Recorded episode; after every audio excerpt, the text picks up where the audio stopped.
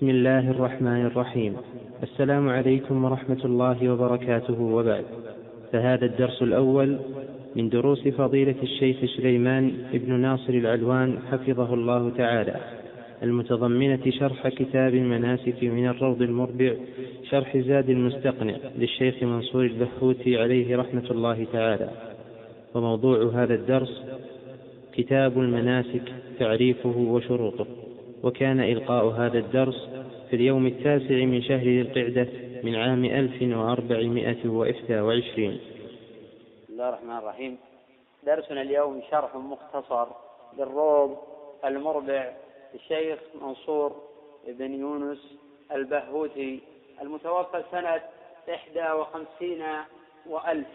وهذا الكتاب شرح لزاد المستقنع للشيخ يوسف الحجاوي المتوفى سنة ستين وتسعمائة قد تم انتقاء كتاب المناسك من هذا الكتاب. بمناسبة قرب الحج ومعلوم أن هذا الكتاب في فقه مذهب الإمام أحمد رحمه الله تعالى. وليس المقصود من قراءة هذا الكتاب مجرد البركة أو مجرد المرور على المسائل كمرور الحاج بوادي محسر. نمر على هذه المسائل ونحقق ما فيها من الصواب ونبين ما في ذلك من الخطأ. كل مسألة نذكر حول الله وقوته دليلها ليتفقه الطالب على الدليل وليعرف المسائل الشرعية بأدلتها. لأن التعصب مذموم. والأئمة الأربعة كلهم يذمون التعصب. وقد نظم بعض أهل العلم أقوالهم فقال وقول أعلام الهدى لا يعمل بقولنا بدون نص يقبل. فيه دليل الأخذ بالحديث وذاك في القديم والحديث. قال أبو حنيفة الإمام لا ينبغي لمن له إسلام أخذ بأقوال حتى تعرض على الحديث والكتاب المرتضى. ومالك إمام دار الهجرة قال وقد أشار نحو الحجرة. كل كلام منه ذو قبول ومنه مردود سوى الرسول. والشافعي قال إن رأيتم قولي مخالفا لما رويتم من الحديث فاضربوا الجدار بقولي المخالف الأخبار. وأحمد قال لهم لا تكتبوا. ما قلته بل أصل ذلك اطلبوا. فاسمع مقالات الهداة الأربعة واعمل بها فإن فيها منفعة. لقمعها لكل ذي تعصب والمنصفون يكتفون بالنبي صلى الله عليه وسلم. وقد تم اختيار هذا الكتاب بناء على رغبة أكثر الأخوة الحاضرين وبناء على أن الأغلبية من الطبقة المتوسطة أو فوق المتوسطة في طلب العلم ولك المبتدئ؟ لا ننصح بالتمذهب بداءة بداءة ولا سيما قراءة هذه الكتب التي تحتاج ألفاظها إلى شرح وإلى بيان وتارة تكون بعض ألفاظها أشبه ما تكون بالألغاز. يعني يقرأ في عمدة الأحكام وفي بلوغ المرام ويأخذ ما دل عليه الخبر ولا بأس يشار إليه هذا مذهب فلان هذا مذهب فلان وقد استدل فلان بكذا والآخر بكذا والراجح كذا وكذا حتى لا يتبلبل ذهنه ولا فهمه لأنه لا يستوعب قضية هذا مذهب فلان وهذا مذهب الآخر. ثم المقارنة بين المذاهب ثم الترجيح فيما بعد. قد هذا يشتت آه، ذهنه ولا يستطيع أن يتحصل على الوجه المطلوب. ولذلك العام حين يستفتي لا بأس تفتي بما تراه راجحا. لظاهر قول الله جل وعلا فاسأل الذكر إن كنتم لا تعلمون. فحين يسأل على الذكر سوف يجيبه هذا العالم هو طالب العلم بما يعتقده صوابا. ولكن هذا المفتي آه، الأولى يذكر دليله. فإن استطاع العامي يتناول ويحفظ الدليل مع الفتوى فهذا جيد. وإن لم يستطع العامي فلا بأس يحفظ قول العالم. أي يحفظ قول العالم المبني على دليل. ولهذا الروض غالب مسائل على الدليل ولا سيما في مناسك الحج والعمرة. وتارة يذكر المسألة ودليلها وتارة يذكر المسألة وتعليلها وهذا التعليل نوعان. النوع الأول قد يكون صوابا النوع الثاني قد يكون خطأ ولا يعدم صاحبه من الأجر فإن الحاكم إذا اجتهد فأصاب فله أجران وإن أخطأ فله أجر واحد. فإن قيل لماذا لم تكون القراءة في البخاري وفي المنتقى أو في المحرر أو في بلوغ المرام؟ فالجواب أنه قد سبق شرح هذه الكتب كلها. قد سبق شرح كتاب المناسك من البخاري مرارا وقد سبق شرح بلوغ المرام كاملا عدة مرات أيضا وهو موجود أيضا. وقد سبق شرح المحرر وقد سبق شرح المنتقى كما أنه سبق شرح جامع أبي عيسى في الحج. كل هذه الكتب ولله الحمد قد تم آه، شرحها. فقد تم اختيار هذا الكتاب بناء على رغبة الأخوة كما تقدم. وبناء على التفصيل في هذه المسائل والإلمام بأكثر مسائل الحج. وحتى نتعرف على ما صح دليله وعلى ما لم يصح آه، دليله. ونستطيع من حينئذ أن نميز بين الصواب وبين آه، الخطأ. أما المذموم أن الإنسان يقرأ أقوال الرجال دون أن يمحصها ودون أن يعرف حقها من باطلها فهذا مذموم. بل هذا يحرم على العبد. أن يقرأ مثل هذه الكتب دون أن يعرف صحيحها من سقيمها ويتلقى أقوال الرجال كأنها أقوال رسول الله صلى الله عليه وسلم. ألا أيها الإنسان إياك الهوى والهوى وتقليد آراء الرجال وتقتدي ولا تتعصب للمذاهب جارة وتنبذ خلف الظاهر سنة أحمد. ثم المقصود أيضا من قراءة آه، هذه الكتب هو رفع الجهل عن النفس. رفع الجهل عن النفس. فإن كان العبد قد عزم على الحج فتعلم أحكام المناسك فرض عين. وإن لم يعزم على الحج وقد سبق أن حج فرضه فتعلم الأحكام يكون في حقه من المستحبات. العلم منه ما هو فرض عين منه ما هو فرض كفاية ومنه ما هو مستحب. وهذه المستحبات حين يريد الإنسان يباشرها تكون في حقه من فروض الأعيان. تعلم أحكام البيع من فروض الكفايات. ولكن إذا عزم الشخص على البيع وعلى الشراء فالتعلم في حقه فرض عين لئلا يقع في الربا ولا يقع في بيع الجهالة أو في بيع الغرر ونحو ذلك. تعلم أحكام المناسك من فروض الكفايات. إذا عزم العبد على الحج من ذكر أو أنثى فتعلم الأحكام من فروض الأعيان. وهناك أشياء فرض عين مطلقة لأنها تتكرر كالصلاة والصيام من فروض الأعيان المطلقة. أما الزكاة فمن كان واجدا للمال فتعلم أحكام الزكاة وأنصبة الزكاة من فروض الأعيان. والحج إذا أراد يحج فرضا فمن فروض الأعيان. الأمر الثاني التنبيه على مسائل مهمة أنه يلاحظ على بعض الناس أنه إذا حفظ مسألة من العلم يتصور أنه حفظ العلم كله. فيأخذ في الجدال والنقاش والتهكم بالآخرين واحتقارهم وازدرائهم. أو أنهم لا يعلمون كما يعلم أو لا يفهمون كما يفهم أو لا يحفظون كما يحفظ أو لا يطلعون كما اطلع. وهذا داء عظيم. قد يصاب به العبد وقد يشعر به وقد لا يشعر به وعلى كل هو داء عظيم. ولذلك كان السلف يذمون من حفظ مسألة فجعل العلم كله في هذه المسألة. حين نتعلم هذه المناسك. قد نأخذ بعض الفقه المقارن في بين المذاهب والترجيح ولا يعني هذا إن الترجيح هو الحق. قد يرجح ويخالفني غيري. وقد يرجح الآخر ويخطئه فالمسائل تنقسم إلى أقسام. الأمر الأول المسائل التي أجمع المسلمون عليها وهذا الإجماع قطعي. هنا لا نزاع في ذلك. كفرضية الحج. هذا من الأمور القطعية. وكالوقوف بعرفة. هذا من الأمور القطعية. هذه لا إشكال في تقريرها ونقل الإجماع عليها والمجادلة حولها لأن من المعلوم من الدين بالضرورة. الأمر الثاني مسائل أجمع العلماء عليها لكن الإجماع ظني. الإجماع ظني. فعامة الناس يجب على التقيد بهذا الإجماع الظني. ولكن لا يعني هذا أن الأئمة المجتهدين والعلماء الراسخين لا يحررون موطن الاتفاق ولا موطن النزاع. ولا يعني أنه إذا اجتهد أحد في قضية من القضايا أن نشهر في وجه سيف الإجماع الظني. فيجب علينا أن ننزل كل شخص منزلته. ولهذا كان الإمام أحمد رحمه تعالى ينكر على من ادعى الإجماع في مثل هذه المسائل. ويقول يدري لعلهم اختلفوا. من ادعى الإجماع فقد كذب.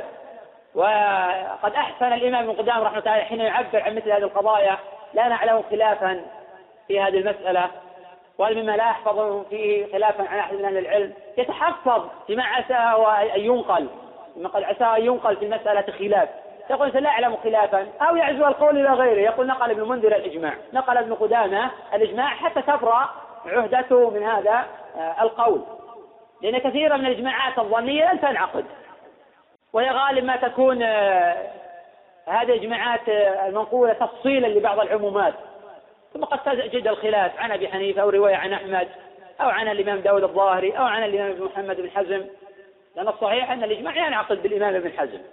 لأنه إمام كبير وفقيه وإن عيب عليه ترك القياس والإغراق في الأخذ بالظاهر فهو إمام.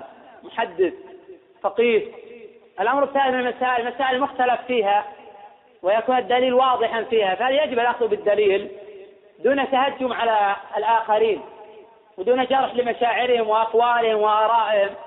فسيعرض رأيه ويقول هذا الذي يظهر لي أو هذا الصواب أي في نظري. ولا يعني أنه إذا كان الصواب في نظره أنه هو الحق المطلق. فقد يخطئ في الدليل كان يكون حديث ضعيفة. قد يخطئ في تنزيل الدليل على الواقعة وقد يكون في المسألة دليل أقوى من دليله. فسيتحفظ لنفسه في مثل هذه القضايا. الأمر الرابع مسألة لا دليل فيها إنما مبنية على التعليل فهذا أوسع مما قبلها. وفرض الرأي في مثل هذه المسائل جهل. عين الجهل أن تفرض رأيك على غيرك ولا في مثل هذه المسائل. الإنسان لا يمنع من ترجيحه. ولا يمنع من اجتهاد إذا كان أهلا للاجتهاد. لكن يمنع من كون يجعل نفسه وصيا على الدين. وصيا على تقرير المسائل والاجتهادات. والطالب يكتسب هذه الأخلاق من معلمه إن رأى من تضليل الآخرين يكتسب هذه الأخلاق. ولذلك قد تعرف الطالب بمعلمه قد تعرف الطالب بمعلمه بحذقه بفقهه بمعرفته بآدابه بأخلاقه. فمن الضروري مراعاة هذه القضايا وهذه آداب مهمة لطالب العلم. أن يعرفها وأن يعيها. قال المؤلف رحمه الله تعالى كتاب المناسك. كثير من الفقهاء يعبرون عن كتاب الحج بكتاب المناسك لما فيه من النسيكة وهي الذبيحة. وقيل لأنه من التنسك وهو التعبد. جماعة من العلم يقولون كتاب الحج ولا مشاحة في ذلك إذا عرف المقصود. ولكل وجهه. والحج أحد أركان الإسلام التي أجمع المسلمون عليها وهو الركن الخامس من أركان الإسلام في أكثر الأحاديث. وقد جاء ذلك في الصحيحين وغيرهما من حديث ابن عمر. وقد قال تعالى ولله على الناس حج البيت من استطاع إليه سبيلا ومن كفر فإن الله غني عن العالمين. قوله ومن كفر قيل بترك الحج قيل بترك الحج. وهذا مذهب عمر بن الخطاب. وابن عمر ورواية عن أحمد ومذهب سعيد بن جبير وطائفة من فقهاء المالكية وهو أحد القولين عن ابن عباس.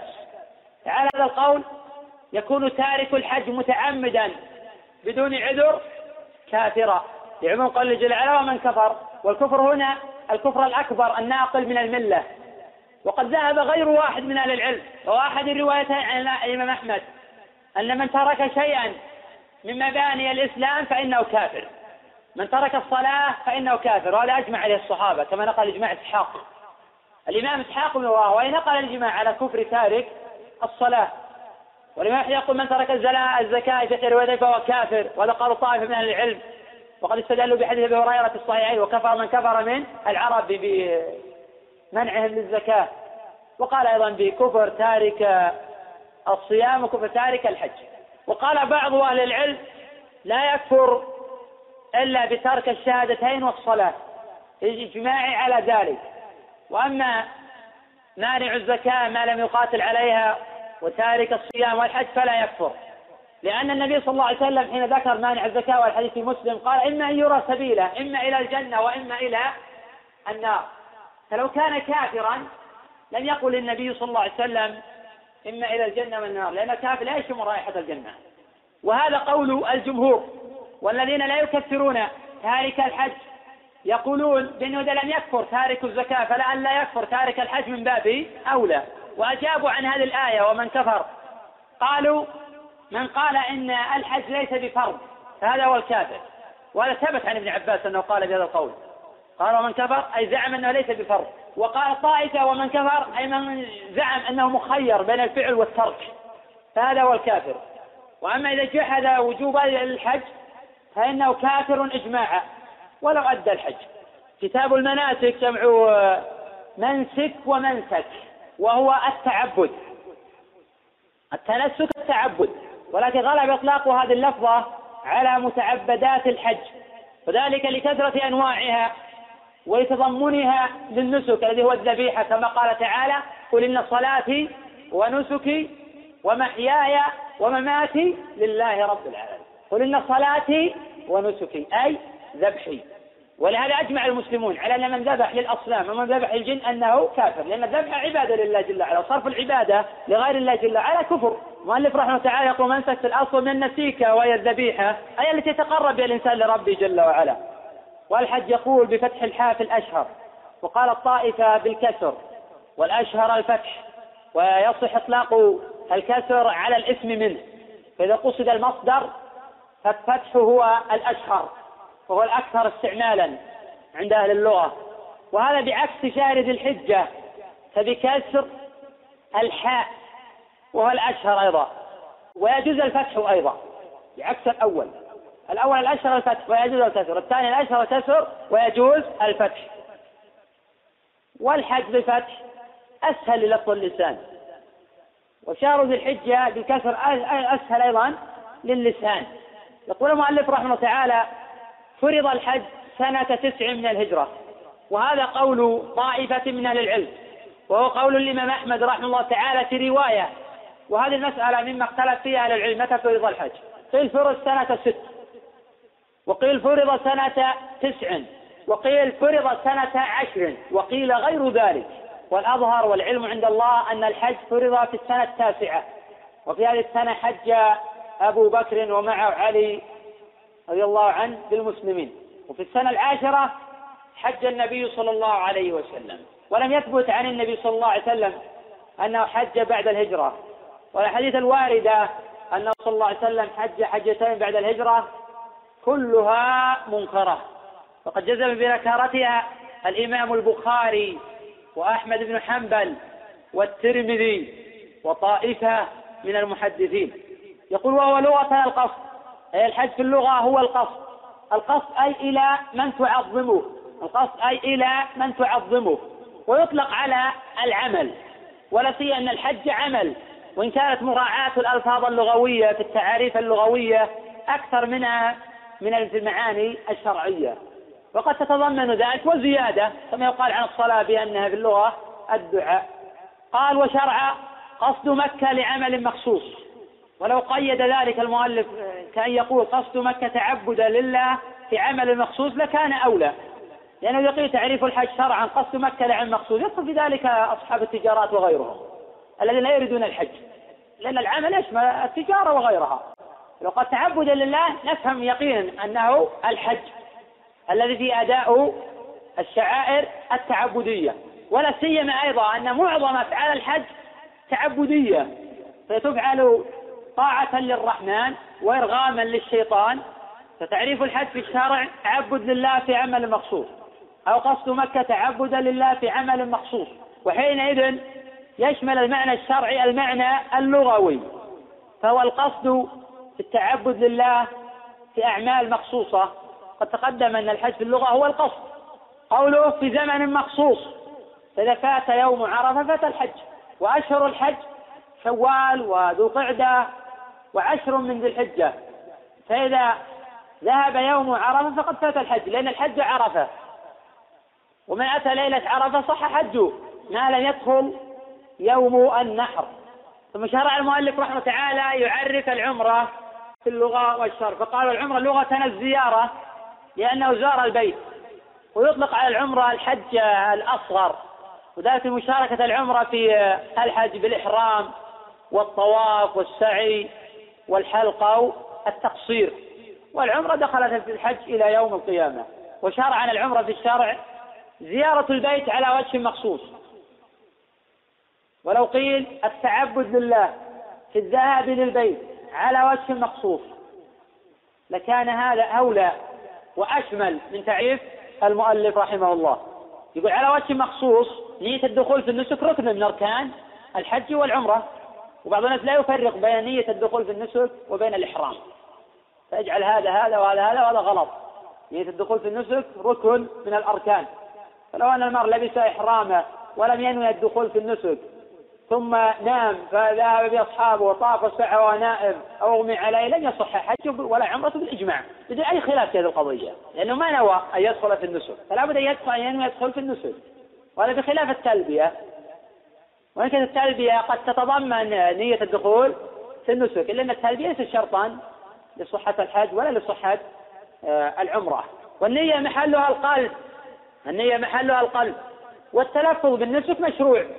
يقول لبيك عمرة أو يقول لبيك حجا أو يقول لبيك حجا وعمرة على من يقول بأن أو على جميع الأقوال. إذا قال لبيك عمرة فهذا المعتمر أو المتمتع الذي غرضه يتقدم له في عمرة. إذا قال لبيك حجة فهذا المفرد. إذا قال لبيك عمرة وحجة فهذا القارن. أما قول بعض الناس بأن المتمتع يقول لبيك عمرة متمتعا بها لا الحج هذا غير صحيح. ولا أصل لهذا. فحديث عائشة في صحيحين صريح في القضية. حين ذكرت المتمتعين تقول أهلوا في عمرة. فلم تقول أهلوا في عمرة متمتعين بها إلى الحج. المعنى هو المقصود أما اللفظ فلا أصل له. ولكن حين يقول اللهم إني نويت اللهم إني نويت أن أعتمر. أو اللهم إني نويت أن أحج مفردا. فهذا بدعة. فهذا بدعة. وقد جاء في الصحيحين عند القاسم عن عائشة أن النبي صلى الله عليه وسلم قال من أحدث في أمرنا هذا ما ليس منه فهو رد. والبدعة الإحداث في الدين بدون دليل. لم يثبت عن النبي صلى الله عليه وسلم ولا عن أحد من الصحابة ولا عن أئمة التابعين أنهم يقول اللهم إنا نوينا أن نفعل كذا وكذا. كانوا يلبون يقول لبيك عمرة والآخر يقول لبيك حجة والآخر لبيك عمرة وحجة. دون التلفظ بهذه أني اللهم أريد أن أفعل كذا وكذا. أما التلفظ في الصلاة وغيره فبدعة مطلقة. فيقول اللهم إني نويت الصلاة أو اللهم هذه صلاة لك أو اللهم هذه أربع ركعات لك فتقبل مني. هذا كله بدعة. فلم يأتي التلفظ بشيء من الأعمال سوى في الحج والعمرة بدون أن يقول اللهم إني نويت. قال المؤلف رحمه الله تعالى وهما واجبان أي الحج والعمرة. أما وجوب الحج فهذا لا نزاع فيه بين المسلمين ولا نزاع بين أهل العلم أن الحج أحد أركان الإسلام. كما قال صلى الله عليه وسلم بني الإسلام على خمس شهادة أن لا إله إلا الله وأن محمدا رسول الله وإقام الصلاة وإيتاء الزكاة وصوم رمضان وحج البيت. وهذا متفق عليه حديث ابن عمر. وأما وجوب العمرة ففي ذلك خلاف. القول الأول أن العمرة واجبة وهذا المشهور من مذهب الإمام أحمد رحمه الله تعالى. وهو أحد القولين عن الشافعي وهو مذهب مالك. وقد استدلوا بقوله تعالى واتموا الحج والعمرة لله. واستدلوا أيضا بعموم الأدلة في هذا الباب. كقول صلى الله عليه وسلم حج عن أبيك واعتمر. وبورود رواية العمرة في حديث عمر حين أتى جبريل إلى النبي صلى الله عليه وسلم حين قال الإنسان تشهد أن الله محمد رسول الله وأن تقيم الصلاة وتؤتي الزكاة وأن تصوم وأن تحج البيت وتعتمر. والزيادة عند الدار قطني وقد صححها. القول الثاني في المسألة أن العمرة غير واجبة. فقوله جل وعلا وأتموا الحج والعمرة لله ليس في الآية دليل على فرضية الحج ولا العمرة إنما الآية تدل على وجوب الإتمام ليس غير. والإجابة يؤخذ من أدلة أخرى أما من هذا الدليل فلا حجة فيه. وأما الزيادة وأن تحج البيت وتعتمر فيها شاذة وقد جاء الحديث من طرق في مسلم وغيره بدون هذه الزيادة. وأما حديث أبي رزين العقيلي حين أتى إلى النبي صلى الله عليه وسلم فقال أبي شيخ كبير لا يستطيع الحج ولا العمرة. فقال حج عن أبيك واعتمر. فالمقصود بذلك النيابة وليس المقصود الحديث عن إجابة العمرة. إنما يجوز أن تنوب عن أبيك في الحج أو في العمرة. وهذا رواية أي وعدم وجوب العمرة رواية عن الإمام أحمد وهو مذهب أبي حنيفة وقول الشافعية واختار ذلك شيخ الإسلام ابن تيمية رحمه الله. وكذلك لا تجب العمرة على أهل مكة كما مروي عن ابن عباس وعطاء وجماعة من أهل العلم. وإن كان ابن عباس من القائلين يجب العمرة إلا أنه لا يجبها في إحدى الروايتين على أهل مكة. المؤلف رحمه الله تعالى يقول ولحديث عائشة. الدليل على وجوب العمرة يقول حديث عائشة نقالت يا رسول الله هل على النساء من جهاد؟ قال نعم عليهن جهاد لا قتال فيه الحج والعمرة. وهذا الخبر رواه الإمام أحمد وابن ماجه من طريق محمد بن فضيل عن حبيب بن أبي عمرة عن عائشة بنت طلحة عن عائشة أم المؤمنين. عن النبي صلى الله عليه وسلم بذلك. وجه الدلالة من هذا الحديث قوله عليهن جهاد. هذا دليل على وجوب الحج والعمرة في العمر مرة واحدة. ولكن في صحة زيادة العمرة نظر. ولكن في صحة زيادة العمرة نظر. فالحديث رواه الإمام البخاري رحمه تعالى في صحيحه من طريق خالد وعبد الواحد عن حبيب بن أبي عمرة عن عائشة بنت طلحة عن عائشة أم المؤمنين. قالت يا رسول الله نرى الجهاد أفضل العمل. أفلا نجاهد؟ قال لكن أفضل الجهاد.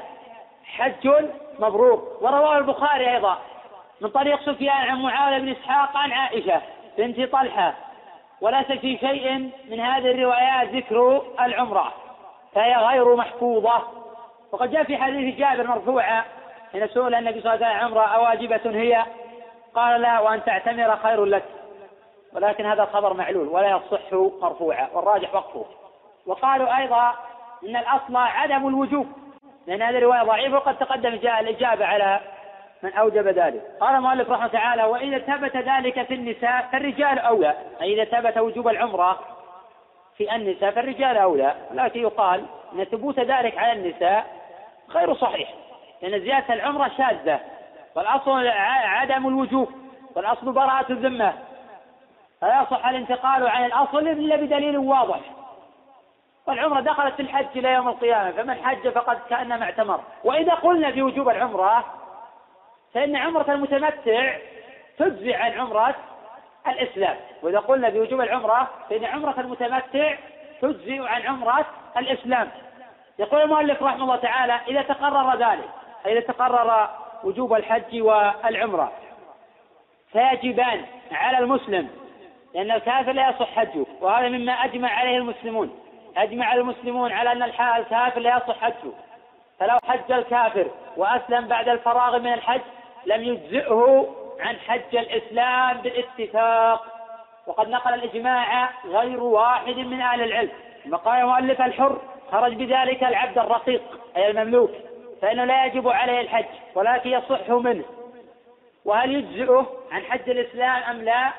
قولان لأهل العلم سوف يشير إليهما المؤلف رحمه تعالى ونذكر ما فيهما. قوله المكلف خرج بذلك المجنون فإنه لا تكليف عليه فقد رفع عنه القلم. وقال رفع عن ثلاثة. عن النائم حتى يستيقظ وعن الصبي حتى يبلغ وعن المجنون حتى يفيق يعقل. قوله القادر.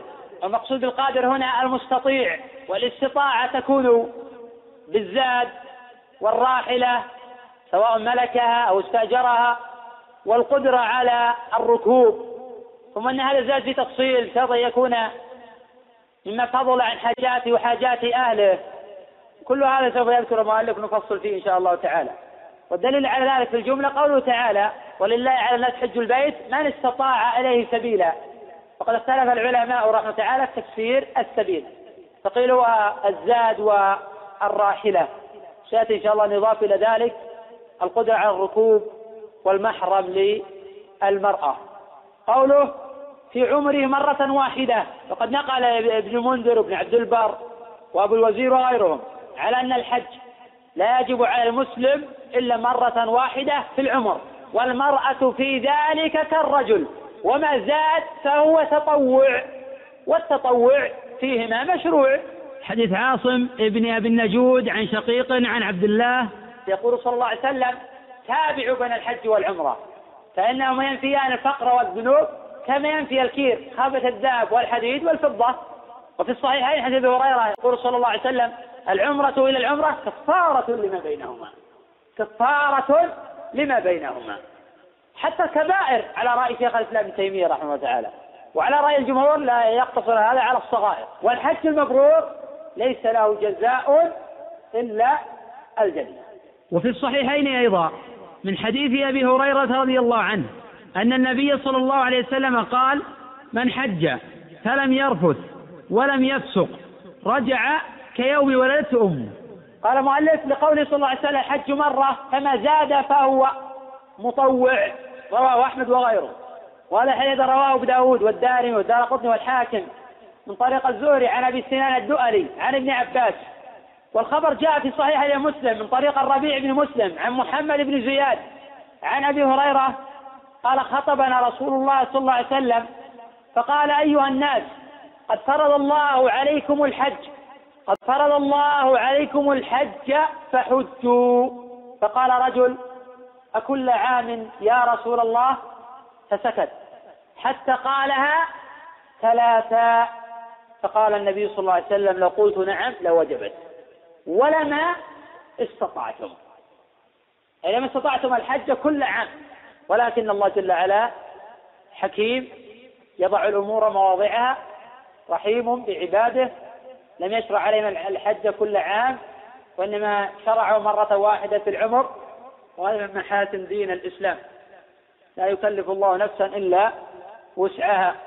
فالإسلام والعقل المؤلف يقول فالإسلام والعقل شرطان للوجوب والصحة أي فلا يجبان على الكافر الأصلي وهذا بالاتفاق. كما أنه لا يجب على المرتد بالاتفاق أيضا. والبلوغ وكمال الحرية شرطان للوجوب والإجزاء دون الصحة. أي فلا يجب على الصغير لأنه غير مكلف ولكن لو حج صح منه ولكن لا يجزئ عن حج الإسلام. كما هو قول الجمهور. قال المؤلف والاستطاعة شرط للوجوب دون الإجزاء بحيث لو حج كبير أو مريض. أجزأ. يعني يقول والاستطاعة شرط للوجوب دون الإجزاء. من كان مستطيعا فواجب عليه. ومن لم يستطع فلا يجب عليه. لكن لو حج الذي لا يستطيع أجزأ عنه. بل نقل غير واحد من العلم الاتفاق على أن الحج يجزئ عن العاجز إذا تحامل على نفسه. فمن كملت له الشروط يقول المؤلف وجب عليه السعي على الفور ويأتى من أخر بلا عذر. لقوله عليه الصلاة والسلام تعجلوا إلى الحج يعني الفريضة. فإن أحدكم لا أدري ماذا يعرض له. وهذا الحديث رواه أحمد وابن ماجه وفي إسناده إسماعيل بن خليفة العبسي. إسناد إسماعيل ابن خليفة العبسي. سيء الحفظ. وقد رواه أيضا أبو داود وأحمد من طريق أبي صفوان عن ابن عباس وصححه هو الحاكم. وأبو صفوان قال عنه أبو زرعة لا أعرفه. وقد اختلف الأئمة رحمهم الله تعالى في الحج. هل هو على الفور أم على التراخي؟ في ذلك قولان لأهل العلم. القول الأول أن الحج على الفور. وهذا مذهب الإمام أحمد رحمه الله تعالى. لأن التراخي ليس له مدة يمكن ضبطها. وإلى متى التراخي؟ ولأنه فرض. فإذا توفرت شروط الوجوب والإجزاء وجب عليه السعي إلى ذلك. إذا كملت له الشروط وجب عليه السعي إلى ذلك. امتثالا لأمر الله وأمر رسوله صلى الله عليه وسلم. ولأن النبي صلى الله عليه وسلم كما تقدم في حديث هريرة إن الله قد فرض عليكم الحج فحجوا فهذا أمر. والأمر للإجاب وهذا لا إشكال فيه. وعلى الفور ما يثبت دليل يخالف ذلك. وبهذا قال أيضا جماعة من أهل العلم. منهم الإمام أبو حنيفة وهو قول في الفقه الشافعي وذكره شيخ الإسلام رحمه تعالى عن أكثر أهل العلم. القول الثاني أن الحج على التراخي ولو كان قادرا على الحج. لأن النبي صلى الله عليه وسلم حج في السنة العاشرة وقد فرض الحج في السنة التاسعة. يجاب عن هذا فيقال أن النبي صلى الله عليه وسلم لم يحج لعذر حتى تطهر البيت من الشرك والمشركين. ولأن النبي صلى الله عليه وسلم حين بعث أبا بكر وعليا أمرهما أن يبلغ الناس. ألا يحج بعد هذا هذا العام مشرك ولا يطوف بالبيت عريان. وأما الذي ملك زادا وراحلة وعنده قدرة فيجب عليه المبادرة. ولأنه إذا قيل بالتراخي ما ضابط التراخي هذا. إذا بلغ ستة عشر أو سبعة عشر متى إلى متى التراخي هذا؟ سيكون فيه توسع بدون انضباطية. ولكن قد يمتنع الإنسان عن الحج لعدم وجود رفقة صالحة يحج معهم. هذا قد يكون عذرا من الأعذار أو عدم وجود من يعلمه ويرشده ويبين له أحكام المناسك. هذا قد يكون عذرا من الأعذار. أما إذا وجد زادا وراحلة وتوفرت آه، الشروط ولم يكن هناك مانع شرعي فهذا يأثم بتأخير الحج. ولأنه على القول بين أكثر أخي وقلنا بأن تارك الحج كافر. على أحد القولين فيما تقدم. متى يكفر؟ متى يكفر؟ إذا بلغ الخمسة عشر والثالثة عشر ولم يحج ثم مات هل نقول بأنه كافر؟ وقد توفرت شروطه؟ أم نقول أنه لا يكفر؟ فذلك أدلة القائلين بأنه على الفور قوية. وقد نصر هذا الإمام أبو محمد بن حزم رحمه الله تعالى. يقول المؤلف رحمه الله تعالى فإن زال الرق لأن عتق العبد محرما نقف على هذا ونكمل إن شاء الله تعالى. ذلك غدا الله أعلم الأخ يقول فيه شخص مثلا لا يصلي وحج في وقت من الأوقات هل يصح حجه؟ يبقى أن نقول له هل كان يصلي في الحج أم لا؟ إن كان يصلي في الحج إذا دخل في الإسلام صار مسلما وحج صحيح ولو ترك الصلاة فيما بعد ونقول عنه بأنه كافر ولكن إذا عاد الإسلام تعود إليه أعماله هذا في أصح قولي العلماء لأن الله جل وعلا قال ومن يرتد منكم عن دينه فيمت وهو كافر. مفهوم هذه الآية؟ أنه إن عاد إلى الإسلام عادت إليه أعماله وأن الأعمال لا تحبط إلا إذا مات على الكفر. وهذا أحد القولين عن الإمام أحمد رحمه الله تعالى واختار ذلك شيخ الإسلام ابن تيمية رحمه الله تعالى. وإن صلى بعد عقد النية. نعم. الصلاة جاءت بعد ما دخل مناسك الحج. يعتبر في الحقيقة أنه دخل ولا سيما جماعة من العلماء يرون أن تارك الصلاة يعتبر منافقا ولا يعتبر آه، بمنزلة المشرك ونحو ذلك. ولهذا يرى الشيخ الإسلام أنه يرث ويورث أنه بمنزلة المنافق نعم. هذا سوف يأتي إن شاء الله تعالى البيان فيه. وأن من لم يجب عليه لا يجزي عن غيره. حيث لو حج الرقيق عن الغير أو الصبي عن غير لم يجزأ الغير لأنه غير مكلف. وهذا رأي الجمهور وهذا كله إن شاء الله سوف نذكر لأن لم يأتي إليه بعد. سنتحدث إن شاء الله على قضية حج الصبي هل يجزي أو ما يجزي في قول العلماء الجمهور يمنعون لكن في قول الإمام حزم أن حج الصبي مجزي. وأنه لا دليل على منعه وأن حج العبد مجزي يعني هو بشر مكلف كسائر البشر أجزى عنه لكن الجمهور يحتجون بقول ابن عباس فاحفظوا عني ولا تقولوا قال ابن عباس أيما صبي حج ثم بلغ فليحج حجة أخرى وأيما عبد حج ثم أعتق فليحج حجة أخرى وسوف إن شاء الله الحديث عن ذلك وذكر الخلافات وأوجه ذلك نعم. قول عبد الله بن من الأعمال العلماء أجمعوا أيضا على أن التارك جنس العمل مطلقا كافر. نقل الإجماع على ذلك الأجري في الشريعة ونقل الإجماع على ذلك الإمام ابن بطة ونقل الإجماع على ذلك غير واحد من أهل العلم. قال هؤلاء كلهم قالوا بأن التارك جنس العمل كافر مطلقا. في أشياء يكفر بها الإنسان بمجرد القول في أشياء يكفر بها الإنسان بمجرد الفعل في أشياء يكفر بها الإنسان بمجرد الاعتقاد. فالإنسان حين يجحد أمرا مجمعا عليه. أو يستحل أمرا مجمع عليه فإنه يكفر بالاتفاق. الكفر قد يكون بالجحد وقد يكون بالاعتقاد كي يعتقد أن حكم غير النبي صلى الله عليه وسلم أقوى من حكم النبي صلى الله عليه وسلم. وقد يكون الكفر بالفعل كالسجود للقبر أو للأصنام آه، والطواف حول القبور هذا بالفعل. وقد يكون الكفر بالقول كسب الله وسب الرسول صلى الله عليه وسلم والاستهزاء الصريح بالدين. وقد يكون الكفر مركبا من جميع ما تقدم وقد يكون الكفر بمجرد الترك كترك الحكم بما أنزل الله وكترك الصلاة بالكلية وكترك جنس العمل المطلقة هذه كلها مكثرات عند أهل العلم. وأما الحج والزكاة والصيام والحج فالخلاف كما تقدم في ذلك. أما جعلوا قول عبد الله أما جعلوا قول عبد الله بن العقيلي كان اصحاب رسول الله يرون جميعا ترك الكفر غير الصلاة نصا. إنه لا يكفر تارك كذا ولا يكفر تارك كذا غير ما ذكر في الحديث. هذا ليس بصريح. ما يؤثر. نحن نتحدث عن جوانب الفقه. ولا نتحدث عن جوانب مسائل أخرى عن عقيدة الرجل وعن كذا. الحق يقبل ممن اتى به جاء الحق عن أشعري عن غير أشعري. النبي صلى الله عليه وسلم قبل الحق من اليهودي. لأنه قال نجد الله وعد على ذه والارضين على ذه وكذا وكذا على ذه فالنبي ضحك تصديقا لقول الحبر. الحديث متفق على الصحة من حديث ابن مسعود. عقيدة الرجل ما يسأل عنه ولا في مثل هذه الجوانب ولا يزال الناس يستفيدون من عليهم أخطاء في في جوانب الاعتقاد. الناس الآن شبه مطبقين على كتب بعض المنتمين لبعض المذهب الأشعري. على قراءة كتبهم والاعتماد عليها والنظر فيها مع الحذر مما يقررون في المخ... الأشياء المخالفة لمعتقد السنة والجماعة. فلا زال يقرأون في كتب البيهقي مع أنه على المذهب الأشعري والناس عالها الآن على كتب الحافظ بن حجر في الحديث والفقه وغير ذلك. مع أنه رحمه الله تعالى له تأويلات كثيرة في باب الأسماء مع أني ما أرى أن الحافظ أشعري. حجر عنده صحيح أخطاء وافق فيها مذهب الأشاعرة. لكن لا يعني هذا أن كل من أخطأ في المذهب في الأسماء يصنف ضمن الأشاعرة. نقول أنه أشعري في باب الأسماء والصفات. أما أشعري مطلق من حجر أشعري مطلق فهذا غير صحيح. هذا غير صحيح. لأنه رحمه الله تعالى رد على الأشاعرة في أخبار كثيرة. رد على الأشاعرة في باب أخبار الأحاد. ورد على الأشاعرة في قضايا كثيرة جدا.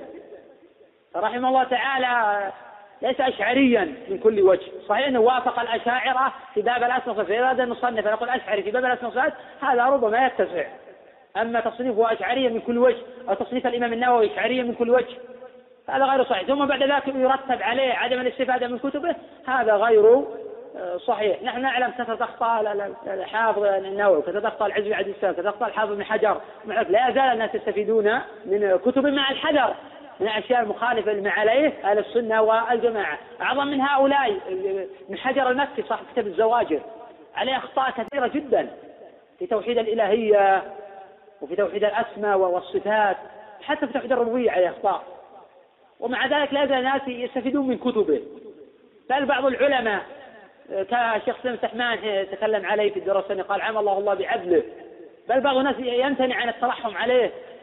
ومع ذلك مثل الدعوة الحين يسأل عنه في مواضع ندرة قال نستفيد من كتبه ومما يقرر فيها الكبائر وغيرها. مع الحذر من المسائل آه الأخرى. فأهل السنة والجماعة وسط بين الفرق المنحرفة الذي يقولون كل من أخطأ يجب طرح أخطائه أو لا نقبل إلا رجلا معصوما كالرافضة. هذا المقصود يعني. حقيقة الرجل أنا داخل يعني في مثل هذا الجوانب ذلك يكفي. بسم الله الرحمن الرحيم. السلام عليكم ورحمة الله وبركاته وبعد. فهذا الدرس الثاني من دروس فضيلة الشيخ سليمان ابن ناصر العلوان حفظه الله تعالى. المتضمنة شرح كتاب المناسك من الروض المربع شرح زاد المستقنع للشيخ منصور البهوتي عليه رحمة الله تعالى. وكان إلقاء هذا الدرس في اليوم العاشر من شهر ذي القعدة من عام 1422 الله الرحمن الرحيم. قال المؤلف رحمه الله تعالى فإن زال الرق يعني عتق العبد محرما في حال كونه محرما سواء كان العبد قنا أو مكاتبا أو مدبرا أو معتقا بعضه إذا عتق في الحج وهو بعرفة صح حجه لأن الحج عرفة. والمؤلف رحمه الله تعالى هنا ذكر عدة مسائل. قال فإن زال الرق بأن عتق العبد محرم. وزال الجنون بأن أفاق المجنون. وأحرم إن لم يكن محرما أي قبل جنونه. لا فيه لأن الإحرام حال الجنون لا يصح. وزال الصبا بأن بلغ الصغير وهو محرم. في الحج وهو بعرفة قبل الدفع منها أو بعده إن عاد فوقف في وقته. ولم يكن سعى بعد طواف القدوم. وفي أي أو وجد ذلك في إحرام العمرة قبل طوافها صح المسألة الأولى الرقيق ذهب أكثر أهل العلم إلى أن العبد أي الرقيق لا يجزئه حجه عن حجة الإسلام. وهذا مذهب أبي حنيفة ومالك والشافعي وأحمد. وذكره الترمذي وابن عبد البر والقاضي عياض والنووي والطحاوي وجماعة إجماعا. ولكن إذا أعتق في يوم عرفات أجزأه الحج عن حج الإسلام. أو أعتق بعد عرفات وأمكنه الرجوع قبل الفوات أجزأه أيضا عن حج الإسلام. كأن يعتق ليلة مزدلفة. فحينئذ يرجع فحينئذ يرجع ويجزئ ذلك عن حجة الإسلام. وهل يجب عليها الرجوع أم لا؟ قولان. إذا أعتق ليلة مزدلفة هل يجب عليها الرجوع؟ قولان. القول الأول أنه يجب. وهذا مبني على أن الحج على الفور. وهذا مذهب أحمد وأبي حنيفة وقول الشافعية وطائفة على أن الحج على الفور. القول الثاني أنه لا يجب عليه. يمضي في حجه ويكون نفلا له. ويستحب له الرجوع ولا يجب. وهذا قول القائلين بأن الحج على التراخي. والحجة في كون العبد يصح حجه ولا يجزئ عن حجة الإسلام هو ما جاء من طريق شعبة عن الأعمش عن أبي ظبيان عن ابن عباس. قال أيما صبي حج ثم بلغ الحنث فعليه حجة أخرى. وأيما عبد حج ثم أعتق فعليه حجة أخرى. وقد جاء هذا الخبر مرفوعا وموقوفا. وقد رفعه محمد بن منهال عن يزيد بن زريع عن شعبة عن الأعمش عن أبي ظبيان عن ابن عباس عن النبي صلى الله عليه وسلم. وصحح رفعه البيهقي وغيره. ولكن رواه جماعة عن شعبة موقوفة وهو الصحيح.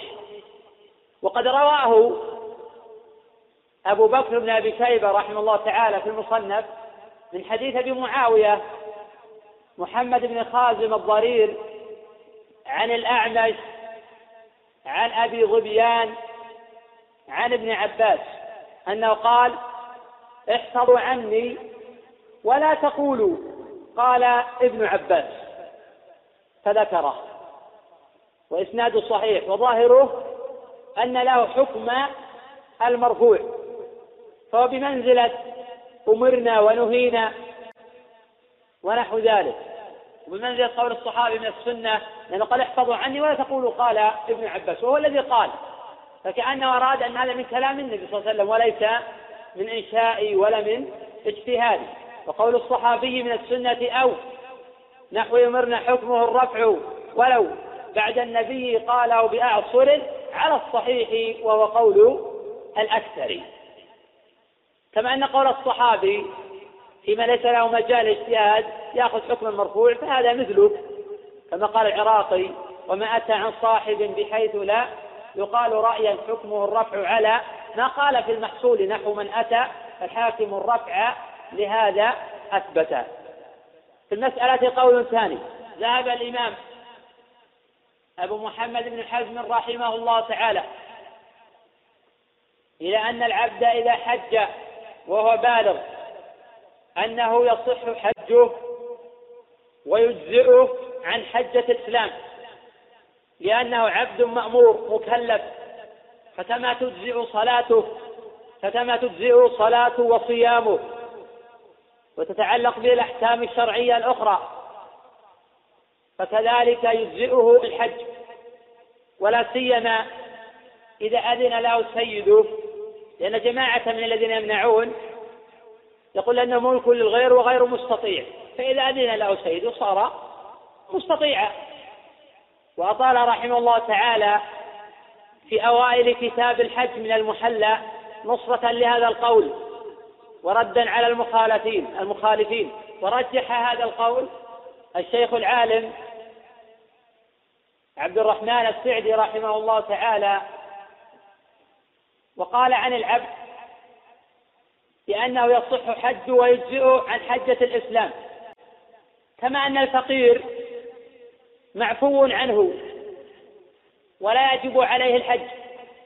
فإذا تيسر له الحج وفعله أجزأ عن حج الإسلام. ولأن الله جل وعلا قال ولله على الناس حج البيت فدخل العبد في عموم الناس. وأصحاب هذا القول منهم من يصحح حديث ابن عباس ولكن يراه منسوخا لأنه جاء في بعض طرقه وأعرابي ذكر العبد والصبي والأعرابي ولا قائل في الأعراب في هذه القضية.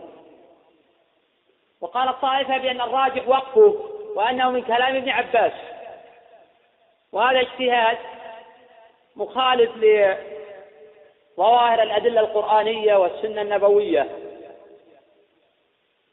كقوله صلى الله عليه وسلم في صحيح مسلم وقد تقدم حديث أبي هريرة إن الله قد فرض عليكم الحج فحجوا.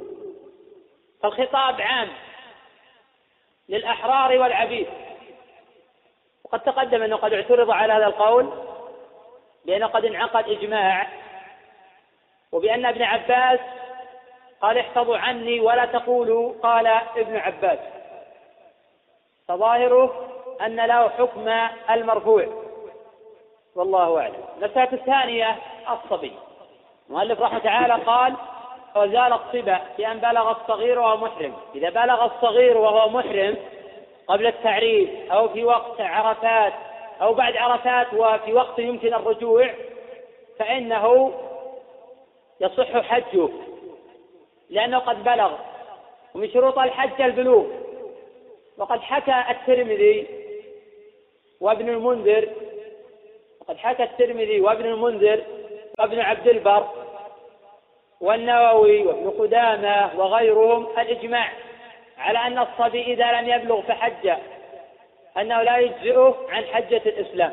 ولكن يصح منه كما سيأتي إن شاء الله تعالى.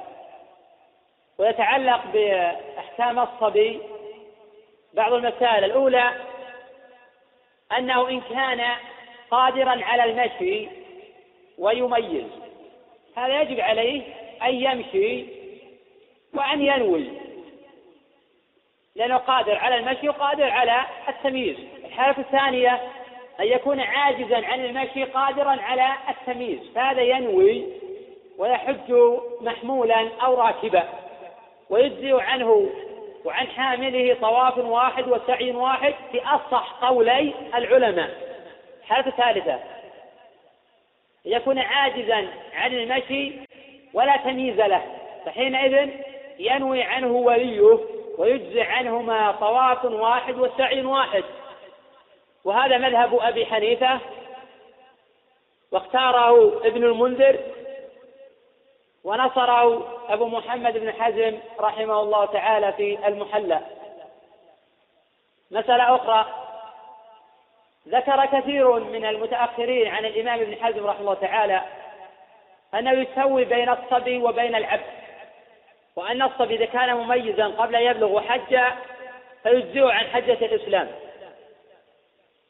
والذي وقفت عليه في المحلى أنه قال يكون نفلا وإذا بلغ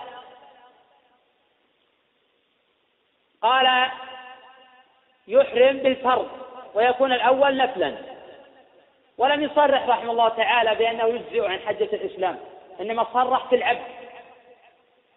والظاهر أن الإمام ابن حزم رحمه الله تعالى يرى أن الإجماع منعقد في أن الرجل إذا لم يبلغ أو المرأة فحج كل منهما فلا يجزئ عن حجة الإسلام. كما حكى الإجماع ذاك تقدم النووي وسبقه القاضي وسبقه ابن عبد البر وسبقه الإمام الترمذي آه، رحمهم الله تعالى. كلها وحكى الإجماع في هذه المسألة. مسألة أخرى غلط كثير من المتأخرين أيضا على الإمام أبي حنيفة رحمه الله فقالوا عنه بأنه لا يصحح حج الصبي ذكر ذلك عنه ابن بطال وعنه الحافظ بن حجر في فتح الباري والنووي في المجموع وجماعات كثيرون. وفي هذا نظر. الثابت عن أبي حنيفة أنه يصحح حج الصبي ولكنه يقول ليس عليه كفارة إذا ترك محظورا أو أتلف شيئا حتى أن الطحاوي وهو من أعلم الناس في مذهب أبي حنيفة وهو حنفي معروف ذكر في شرح معاني الآثار الإجماع على صحة حج الصبي ولم يحكي خلافا لا عن أبي حنيفة ولا عن غيره. وكذلك رجعت إلى كتب الأحناف فكلهم صح صرحوا بصحة حج الصبي. لأن الأحاديث الواردة كثيرة جدا. فسيأتي إن شاء الله ذكرها وبيانها. إنما قال أبو حنيفة إذا أفسد الصبي حجه أو فعل محظورا أو ترك واجبا لا يلزمه شيء. وهذا هو الصحيح. وهذا هو الصحيح. وهذا اختيار أبي محمد بن حزم أيضا. ثم شرع المؤلف رحمه الله تعالى يتحدث عن بعض المسائل في هذا الموضوع. فقال ويعتد بإحرام ووقوف موجودين إذا أي وقت البلوغ والحرية وزوال الجنون. وما قبله تطوع لم ينقلب فرضا. وما قبل الإحرام قبل البلوغ تطوع. يقول فإن كان الصغير أو القن سعى بعد طواف القدوم قبل الوقوف لم يجزئه الحج. علل بذلك قال ولو أعاد السعي لأنه لا يشرع مجاوزة عدده ولا تكراره. أي ولا يشرع تكراره. وهذا المشهور من مذهب الإمام أحمد رحمه الله تعالى. والقول الثاني أنه يجزئه إذا أعاد السعي. وهذا الصحيح لأن الطواف الأول سنة. فإذا أعاد السعي أجزى عن حج عن الحج. بل ولو طاف بل ولو طاف ثم سعى وحل ثم أعتق أو زال الصبا فالأولى نافلة. فقد يقال يجوز أن يحرم مفردا. فقد قال يجوز يحرم مفردا. وإن كان الأكثر يمنعون ذلك. لأنه قد اعتمر في أشهر الحج. وقد يقال بالتفريق كما أنهم يفرقون؟ فقال الأولى وقعت وهي غير مجزئة عن عمرة الإسلام وعن حجة الإسلام فالأخرى عن حجة الإسلام. وعلى كل هذه ما تحتاج إلى بحث. المقصود الآن أن إذا طاف طواف القدوم. وسعى ثم أعتق. له أن يعيد السعي ويجزئه عن حجة الإسلام. ومن الفوائد في هذا الباب أنه لو حج وفي ظنه أنه عبد أو لم يبلغ فتبين فيما بعد أنه حر أو أنه بالغ أجزأه عن حج الإسلام. أجزأ عن حج الإسلام. ومن الفوائد نظير هذه المسألة المرأة إذا بلغ إذا لم يبلغها وفاة زوجها إلا بعد أربعة أشهر وعشرة أيام أنها تخرج من العدة. قال المؤلف رحمه الله تعالى ويصح فعلهما أي الحج والعمرة من الصبي نفلا وحكاه غير واحد من أهل العلم إجماعا. وهو مذهب الأئمة الأربعة كلهم. ومن نسب إلى أبي حنيفة أنه لا يصحح فقد غلط. إنما قال الإمام أبو حنيفة لا يتعلق به شيء من وجوب الكفارات. والدليل على صحة حج الصبي ما جاء في صحيح الإمام مسلم من طريق ابن عيينة عن إبراهيم بن عقبة عن كريب مولى ابن عباس. عن ابن عباس رضي الله عنهما أن النبي صلى الله عليه وسلم لقي ركبا بالروحة. فقال من القوم؟ قالوا المسلمون. قالوا من أنت؟ قال رسول الله صلى الله عليه وسلم. فرفعت إليه امرأة صبية فقالت ألي هذا حج؟ قال نعم ولك أجر. في الحديث فوائد. الفائدة الأولى صحة حج الصبي. وهذا محل اتفاق. وإن ذكر خلاف فهو شاذ حديث صريح في المسألة. غير أنه لا يجزئ عن حج الإسلام. حتى يبلغ. والمرأة في ذلك كالرجل. وعلامة البلوغ هي المعروفة المشهورة على خلاف أذكرها على خلاف من العلم في تفاصيلها. بلوغ خمسة عشر سنة هذا على مذهب الإمام أحمد. فبعض العلماء يذكر ثمانية عشر سنة وذكر آخر تسعة عشر سنة عشرة سنة تسعة عشرة سنة. الإنزال ظهور شعر العانة تزيد المرأة أمر الرابعة الحيض. الفائدة الثانية أن النبي صلى الله عليه وسلم لم يقل للمرأة طوفي طوافين عنك وعنه. ولا إسعي سعيين عنك وعنه. وتأخير البيان عن وقت الحادثة لا يجوز. والأصل أن هذه المرأة ما تعرف هذه الأحكام.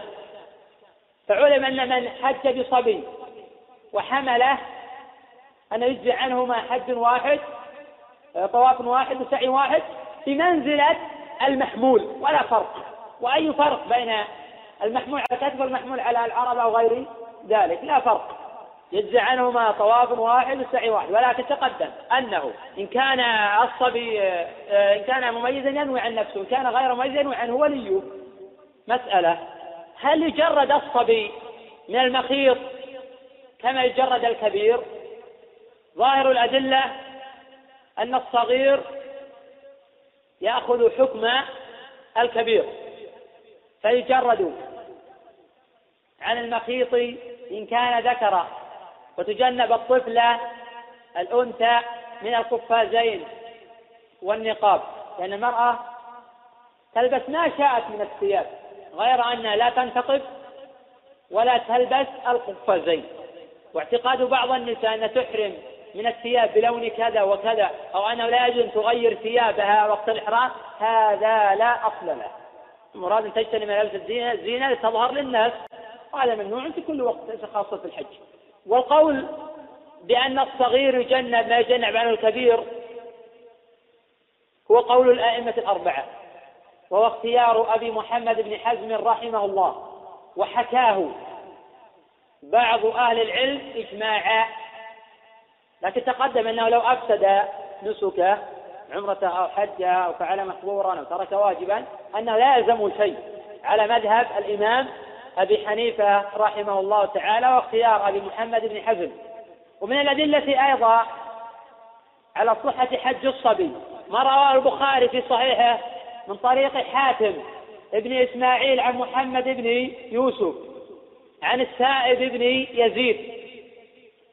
قال حج بي أبي مع رسول الله صلى الله عليه وسلم وأنا ابن سبع سنين. هذا يدل على صحة حج الصبي. وكذلك حج ابن عباس مع رسول الله صلى الله عليه وسلم. والذي عليه الجمهور أن النبي صلى الله عليه وسلم حين توفي كان عمر ابن عباس ثلاثة عشر عاما وقيل خمسة عشر عاما.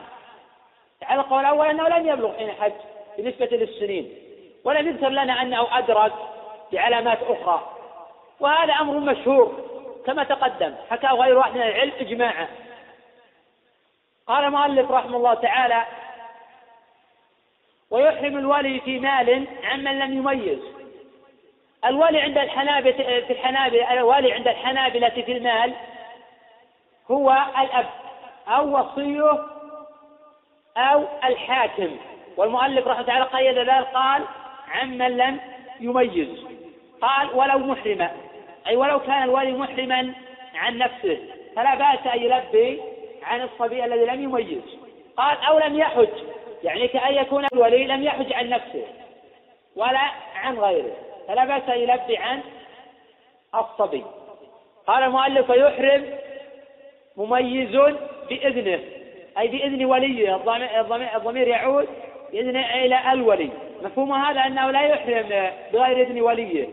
لأنه لا يصح إحرامه. وهذا قول طائفة من الفقهاء. والصحيح أنه لا بأس أن يحرم الصبي بدون إذن وليه. إذا كان مميزا. وهذا مذهب الحنفية والمالكية. واختيار المجد من الحنابلة. الذين يمنعون يقولون لأنه يؤدي إلى لزوم المال فلم ينعقد بنفسك البيع. وفي هذا نظر لأننا نقول أن المميز يصح بيعه. المميز يصح بيعه ولا حرج في ذلك. فهم قاسوا على أصل غير متفق عليه. ومن شروط القياس أن يكون الفرع مقيسا على أصل متفق عليه. فهم قاسوا على أصل غير متفق عليه وفي نفس الوقت هذا الأصل حجة عليه. لأنه لا دليل على مانع بيع المميز. فلذلك لو أن المرء بلغ وكان غير مميز ما صح بيعه. وبعض العلم أيضا يصححه إذا ويكون له خيار ثلاثة. قال المؤلف ويفعل ولي ما يعجزهما. أي كالرمي والتلبية. وقد جاء في سنن ابن ماجه عن جابر بن عبد الله أنه قال حجج مع رسول الله صلى الله عليه وسلم ومعنا النساء والصبيان. فلبينا عن الصبيان ورمينا عنهم. وهذا الخبر في إسناده أشعث ابن سوار وهو متروك الحديث. ولكن عليه العمل عند أهل العلم أن الولي يرمي عن الصغير الذي يعجز عن الرمي ويلبي عنه. وهل يرمي عن المرأة أم لا؟ الكثير يتساءلون في هذه القضية ويصفون المرأة بالعجز مطلقا ويرخصون للولي أن يرمي عن المرأة مطلقا. وفي هذا نظر وهذا تساهل ولا دليل عليه. فإن المرأة إن كانت قادرة يجب عليها أن ترمي بنفسها لأن هذا واجب عليها. وإذا عجزت ولم تستطع كان تكون ضعيفة أو مريضة أو حاملا تخشى على ولدها أو غير ذلك من الأعذار فيرمي عنها وليها. على أنه يجب مراعاة أوقات الرمي. إذا لم تستطع المرأة أن ترمي نهارا لأنه الأفضل فعليها أن ترمي ليلا فإن الرمي ليلا لا حرج فيه ويجوز مطلقا بدون كراهة. إلى طلوع الفجر الثاني يمتد. كما سيأتي إن شاء الله تعالى بيان ذلك وأن هذا عمل الصحابة رضي الله عنهم. كما قال عبد الرحمن بن سابق كان أصحاب رسول الله صلى الله عليه وسلم يرمون ليلة رواه أبو بكر بن شيبة بإسناد صحيح. وسيأتي إن شاء الله بحث هذه القضية وبيانها بأدلتها ومناقشة آه، أدلة الفريقين المجوزين والمانعين في بابه. إذا عجز عن الرمي نهارا أو ليلا تؤخر الرمي إلى آخر يوم. فإذا عجز عن كل هذه الأمور فإنها توكل. إذا لا داعي للتساؤل في أن المرأة توكل مطلقا فإذا وكلت المرأة بدون سبب وعلمت بالحكم في أثناء الحج فإنها تعيد الرمي. لأنها أوقعت الشيء في غير موقعه. المؤلف رحمة تعالى يقول لكن يبدأ الولي في رمي الرمي بنفسه أي أن الموكل أو الولي يرمي عن نفسه ثم يروي عن من وكله. أو عمن ناب عنه. وقد جعله بعض الفقهاء شرطا لصحة الرمي. وقاسوه على من لم يحج. وقاسوه على من لم يحج. وسوف يأتي إن شاء الله حديث ابن عباس. حج عن نفس ثم حج عن شبرمة وكون الرمي عن النفس أولى وكون البداء بالرمي عن النفس أولى من البداء عن غيرها هذا واضح. وأما كونه شرطا ففيه نظر. قال المؤلف ولا يعتد برمي حلال. أي الذي لم يحج. لأنه لو رمى عن نفسه لم يصح اتفاقا. فكيف ينوب عن غيره؟ ولم يستثني العلماء شيئا من ذلك إلا الطواف. قال لن يشرع على الانفراد للحاج والمعتمر وللحلال بخلاف الرمي. لا يشرع إلا لمن حج. يمكن لشخص الآن يذهب ويقول أنا أريد أن أتعبد بالله بحيث برمي نقول هذا مبتدع ضال. لكن في خلاف شيخ لو ذهب الآن إلى مكة من الطواف. هذا مشروع. أما التعبد لله بالسعي فهذا أيضا غير مشروع. بل هذا بدعة أيضا. لأن الصحابة لم يفعلوا شيئا من ذلك. إنما كانوا يستكثرون الطواف دون السعي. قال المؤلف رحمه تعالى ويطاف به لعجز راكبا أو محمولا. أي بالصبي لعجز. إن كان غير عاجز فإنه يطوف عن نفسه راكبا أو محمولا. فإن كان مميزا نوى الصبي عن نفسه ونوى حامله وأجزأ عنهما. طواف واحد وسعي واحد في أصح قولي العلماء. وإن كان غير مميز وحامله ممن عليه الطواف. فيصح عنه وعن الصبي إذا نوى ذلك. وقد تقدم أن هذا مذهب أبي حنيفة وهو اختيار ابن حزم. وعند المالكية والشافعية وقول الحنابلة يقع ذلك عن الحامل دون المحمول. يقع ذلك عن الحامل دون المحمول. قياسا على الحج إذا نواه عن نفسه وعن غيره.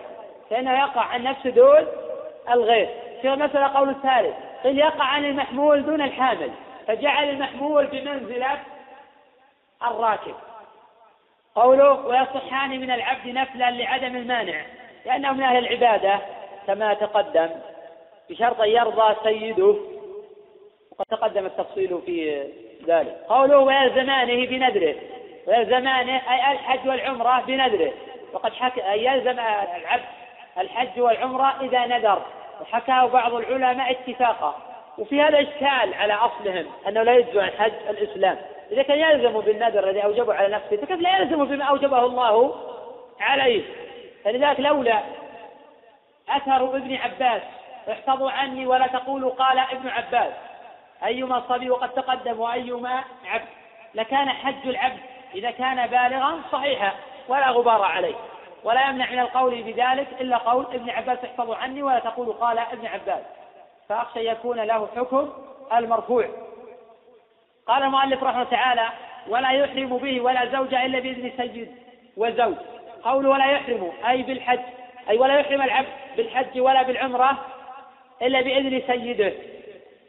وهذا واضح لأنه لو حج أو اعتمر بدون إذن السيد تفوت على سيده المصلحة وكذلك الزوجة لا يحق لها أن تحج تحج أو تعتمر نفلا إلا بإذن زوجها لأنها لو حجت أو اعتمرت بدون إذن الزوج فوتت على الزوج المصلحة بقي. انعقد العبد الإحرام وعقدت الزوجة الإحرام فهل للسيد والزوج تحليلهما؟ أي أمرهما بالحل بعد أن شرع فيه؟ والله جل وعلا يقول وأتموا الحج والعمرة لله وقد أجمع المسلمون على أن من شرع في الحج أو في العمرة لزمه الإتمام. ذهب أكثر أهل العلم إلى أنه للزوج والسيد أمرهما بالإحلال لأن حقه حقهما لازم. فيملكان فيملكان حينئذ إخراجهما من الإحرام. وفي قول أنه أو أنهما يمضيان. في ذلك مع الإثم وليس للزوج ولا للسيد أمرهما بالإحلال. من هذه معصية لله وحين شرع يجب عليهما الإتمام ويمكن أن يفرق بين الزوجة والعبد. ولكن المؤلف رحمه الله تعالى قال ولا يمنعهما من حج من حج فرض كملت شروطه. أي ولا يمنع ولا يمنعه عفوا. أي ولا يمنع الزوج زوجته من حج كملت شروطه. فإن منعها أثم بذلك وجاز لها الحج بدون إذنه. لأن حق الله مقدم على حق الزوج في هذه المسألة. الله جل وعلا ولله على حج البيت من استطاع إليه سبيلا. فلا طاعة حينئذ للمخلوق في معصية الخالق ولا سيما أن الحج على الفور. ولكن إذا كان الزوج يمنع زوجته من الحج لوجود موانع أخرى. فحين ينظر في هذه الموانع كان تكون المرأة حاملا ويخشى على الولد. فهنا يراعى في ذلك المصلحة. أما إذا كان يمنعها بدون أي مبرر وبدون أي مسوغ فإنه يأتم بذلك ولا طاعة له. نعم. يأتي إن شاء الله. قضية محرم مسألة أخرى. المؤلف يقول كملت شروطه أما إذا لم تكمل الشروط فللزوج أن يمنع زوجته. من الشروط وجود المحرم. من واجبات الحج وجود المحرم. ولكن لو حجت بدون محرم أجزى عن حجة الإسلام. وسيأتي إن شاء الله التفصيل في المحرم والتفصيل في الشروط.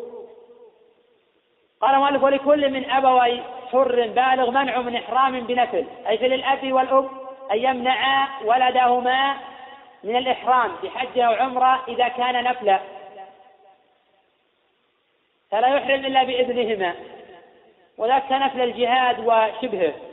السبب في ذلك أنه تعارض بر الوالدين وتعارض نفل. بر الوالدين ما حكمه؟ فرض عين والحج النفل سنة. يجب تقديم الفرض على السنة. قوله ولا يحللانه إن أحرم. يعني إن أحرم ليس للأب ولا للأم أن يأمره بالتحلل. وذلك يعللون قالوا لوجوبه بالشروع فيهما. قال ولا يجب للولد طاعتهما في ذلك. كما أنه لا يجب طاعتهما في الحج الواجب. تقدم أنهم يقولون فلهما تحليلهما. بالنسبة للسيد مع عبده وبالنسبة للزوج مع زوجته. وهنا قال ولا يحللانه. صحيح أنه لا فرق في هذه المسائل. بين هذه ولا هذه ولا هذه. وأن القول بالإتمام قول قوي مع الإثم لأن الزوجة أحرمت بدون إذن زوجها وهذا هذه معصية. ولكن شرعت والإتمام واجب. للإجماع المنعقد في معنى قول الله جل وعلا وأتم الحج والعمرة لله أن كل من شرع فيما يجب عليه الإتمام. ما لم يمنع من ذلك مانع كحبس ونحوه. فإنه حين يتحلل إن كان قد اشترط يتحلل بدون شيء وإن كان لم يشترط بأن ينسك نسيكه أو يفتي فدية. قال المؤلف رحمه الله تعالى والقادر المراد فيما سبق من أمكنه الركوب. نقف على هذا. ونكمل إن شاء الله غدا. الله أعلم. نعم.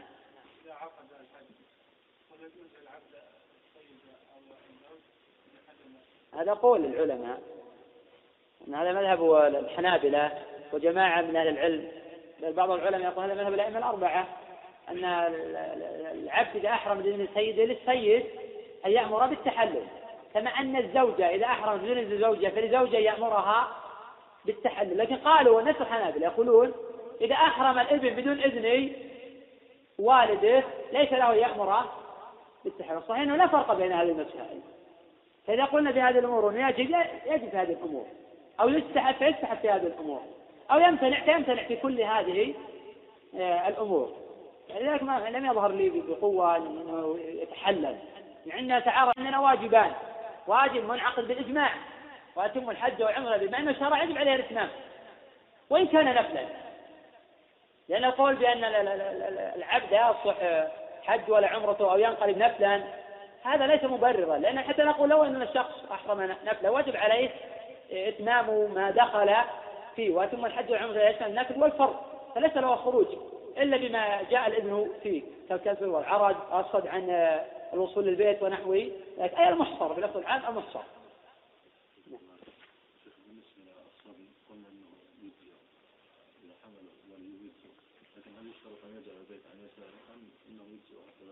والله الصحيح أنه أن الإنسان إذا حمل الصبي يحمل عليه هيئة لا يلزم أن يجعل البيت عن يساره إنما يلزم الحامل لأنه هو المكلف.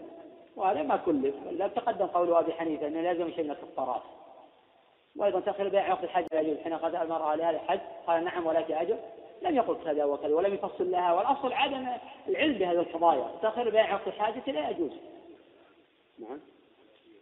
كيف يعني؟ ليس من منزلته لكن يجب عليه الوفاء بحقوق من يعمل عنده ولا يعطل أعماله.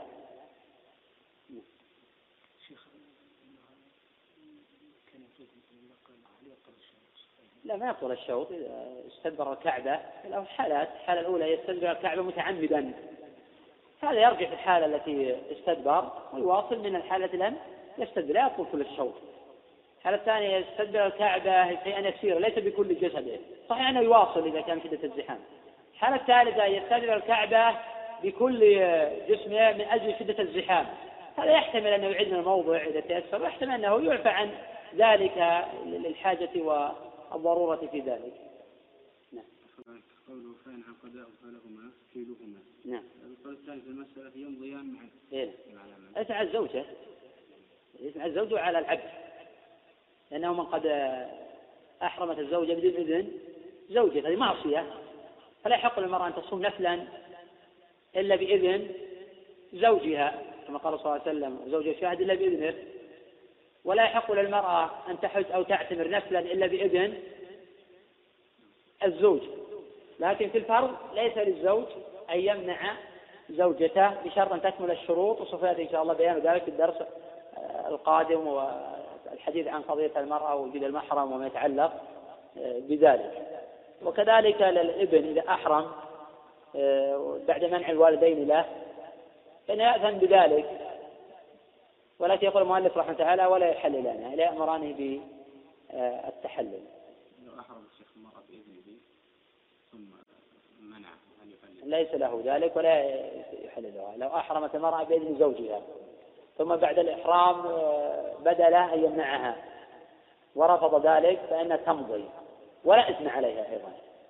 لأنه منعها بعد الإذن فليس له ذلك. ولأنها قد تلبست بما يجب عليها إتمامه. قول أبي حنيفة أنه على الصبي ليس على الصبي شيء في الفساد ولا في الكفارات. هل يلزم الولي أن يمنعه من من تلك الأشياء المحظورة؟ يمنع احتياطا يمنع احتياطا. ولا لو الذي يخرج من خلاف الضعيف فاستبني فيمنع من باب الاحتياط لكن لو فعل الصبي محظورا الراجح أنه لا يجب الحنابلة يقول يجب على وليه وفي نظر هم يفصلون هل من ملأ الصبي من غير ملأ الصبي تفصيلات طويلة للفقهاء في هذه القضية يطول الحديث عنها لكن هذا لا دليل عليه. المنع يمنع الصبي من المحظورات أن يقع فيها. يعني يمنع يتيسر يعني لكن لا يلزم أن يتابع ونحو ذلك ويمنع احتياطا أيضا. احتياطا بس فيما يتعلق بحقوق الغير كإتلاف كقتل الصيد وإتلاف شجرة ونحو ذلك. هل يشوف المرأة ما يسقط أحكام الحج إذا كان زوجها يمنعها قياسا على الرجل الذي يرغم زوجته على الجماع في رمضان؟ يعني إذا منع الزوج زوجته من حج الفرض فإن تمتثل تعرض عندنا حقان يا أخي حق الله وحق المخلوق يقضى الله فالله حقه أن يقضى كما جاء هذا في الصحيحين وغيرهما فيجب حينئذ على المرأة أن تطيع ربها لأن الله جل وعلا أمرها بذلك. ولله على حج البيت ولا سيما في القول أن تارك الحج كافر. الأمر أعظم وأعظم. ولو قلنا بأن تارك الحج لا يكفر على المذهب الثاني عند أهل العلم فإنه يجب على المرأة أن تبادر بالحج. تبادر بالحج وليس لزوجها أن يمنعها. فإذا منعها كان عاصيا لله ولرسوله صلى الله عليه وسلم. فابن حزم يرى أن المرأة لها أن تحج. ابن يرى أن المرأة لها أن تحج بدون إذن زوجها حتى في النفل. وهذا سوف يأتي إن شاء الله مناقشته في الدرس القادم. يعني من الأمور اللي تذكر فيها الاستطاعة أن أن المرأة من النحل يعني تكون غير مستطيعة. تكون مستطيعة لأن هذا واجب قادرة هي إذا كانت غير مستطيعة بعدم وجود محرم أو إذا كانت غير مستطيعة بعدم وجود مال أو زاد أو راحلة. أو كانت غير مستطيعة بأن ما بلغت إلى الآن. هذا واضح. فذلك المؤلف قيد قال إذا كمل الشروط السبيل وجود السبيل الزاد والراحلة والاستطاعة اللي هي البدنية والمالية ومن وجود المحرم. إذا ما وجد شيء من ذلك يمتنع عن ذلك